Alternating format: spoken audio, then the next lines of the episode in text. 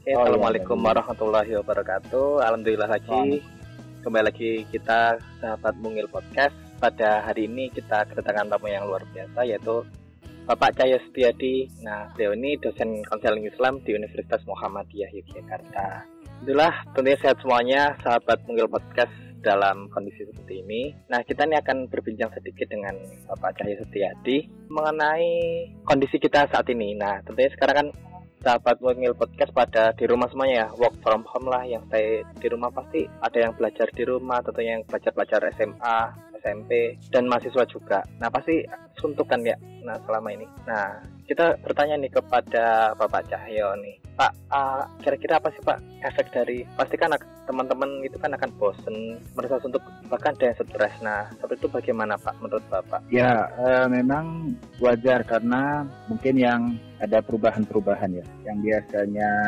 bisa jalan-jalan bebas keluar kemudian ini harus seperti terkungkung di dalam uh, sangkar lah dan memang ketika kita merasa gerak kita tidak bebas itu kita menjadi ada perasaan tertekan. Nah, perasaan tidak bebas tertekan ditambah lagi situasi saat ini yang kemudian adalah situasi ketika kita keluar juga tidak aman, kemudian juga berita-berita tentang dampak dari uh, corona virus disease 19 ini juga memberikan sebuah stresor atau tekanan tersendiri bagi uh, mental kita sehingga wajar di situ ketika kemudian di zaman di masa-masa seperti ini kita merasa apakah bisa disebut stres, apakah suntuk, apakah Uh, dan juga ada kebingungan-kebingungan ketika kemudian ah mau melakukan apa uh, tidak bisa bergerak bebas seperti biasanya sehingga itu juga muncul ada kebingungan-kebingungan itu kira-kira mas Dani kondisinya.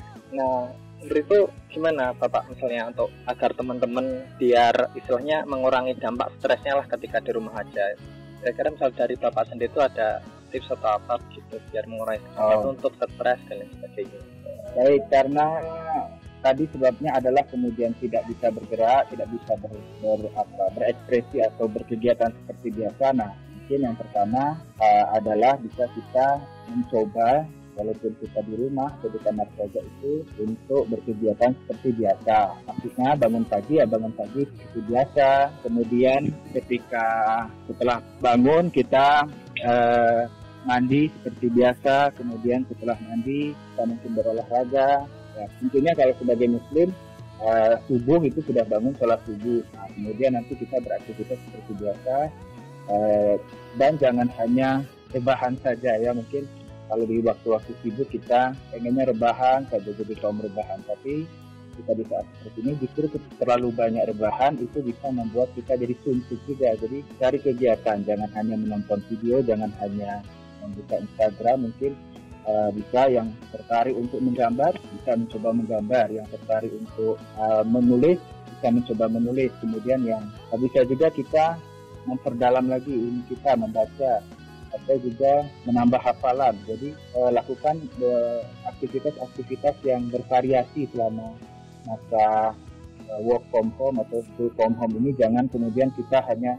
terpaku hiburan saja itu justru menambah dituntutan. Jadi pertama adalah kita mencari berbagai macam aktivitas. Dan yang kedua, aktivitas itu juga bagus juga disertai dengan uh, apa namanya olahraga. Mungkin kalau kita khawatir untuk keluar, kita bisa olahraga di sekitar lingkungan kita. Bagusnya olahraganya tentunya di pagi hari ya, jangan kemudian di siang hari. Di pagi hari kita keluar, kita menikmati udara, kita menikmati hmm, udara pagi, suasana pagi sambil berolahraga. Kemudian jika harus mungkin kita pengen keliling tidak apa-apa asalkan protokol apa keluar rumahnya dilaksanakan misalnya dengan menggunakan masker cuci tangan nah, itu bisa juga kita tetap berolahraga di luar. Selain berkegiatan berolahraga juga mungkin kita bisa uh, mendekatkan lagi diri kita kepada Allah Subhanahu Wa Taala dengan banyak-banyak uh, melakukan ibadah sholat. Mungkin biasanya kita tidak bisa sholat uh, apa sunnah yang banyak. Ini kita berkesempatan untuk melakukan sholat-sholat sunnah yang banyak selama di rumah kita laksanakan. Kita banyak mengaji, kita banyak mentadaburi.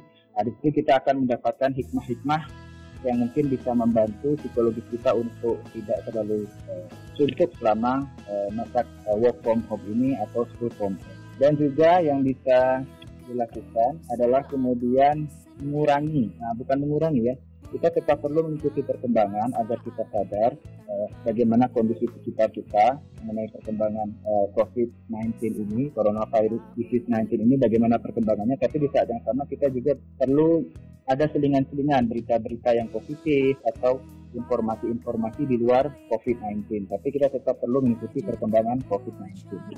Dan juga mungkin kita bisa apa namanya melakukan kegiatan-kegiatan yang mem memunculkan perasaan rileks di dalam diri kita. Misalnya kita melakukan relaksasi atau kemudian kita melakukan eh, hal-hal uh, lain yang kemudian membuat kita merasa rileks nah itu sebenarnya semuanya sudah ada. Kalau kita kita membuka YouTube itu di YouTube sudah ada. Panduan relaksasi itu lagu-lagu yang membuat membuat relaksasi itu juga bisa kita temukan. Jadi mungkin yang pertama uh, adalah uh, berkegiatan aktif berkegiatan tidak hanya tiduran kemudian juga disertai olahraga kemudian juga apa namanya uh, mendekatkan diri lagi kepada Allah Subhanahu wa taala, memperdalam lagi agama dari hikmah-hikmah dan uh, kemudian mengikuti berita-berita Covid sembari mengikuti berita-berita yang positif juga dan yang terakhir kita bisa melakukan uh, kegiatan-kegiatan atau aktivitas-aktivitas yang membangkitkan relaksasi sehingga kita merasa lebih nyaman berada di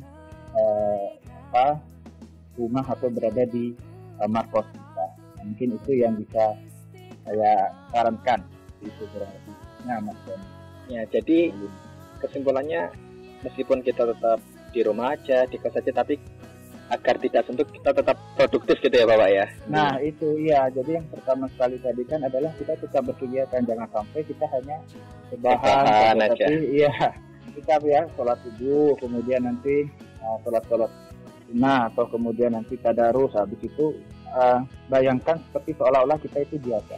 Kalau perlu ya, kalau perlu satu dua hari itu misal kita tetap di rumah tapi kita mandi, kita berdandan atau bergaya seperti hendak berkegiatan. Jadi bajunya rapi, kemudian nanti baru menghadap uh, laptop kalau kita ada kerjaan atau baru membaca sambil duduk tentunya jangan sambil rebahan terus sehingga kita itu suasananya seolah-olah kita mas, apa, berkegiatan seperti hari biasa. Jadi tetap aktif, tetap produktif itu sebenarnya masih bisa walaupun kita uh, sedang berada di rumah saja atau berada di kamar saja. Karena itu sangat pendukung sekali dengan kondisi sekarang. Maksudnya kondisi teknologi saat ini begitu uh, kita bisa mengakses informasi kita bisa menulis kita bisa membaca berbagai macam informasi walaupun hanya di rumah saja melalui uh, jaringan internet. Itu sangat membantu sekali di saat-saat kita tidak bisa ke mana-mana seperti sekarang pun seperti itu.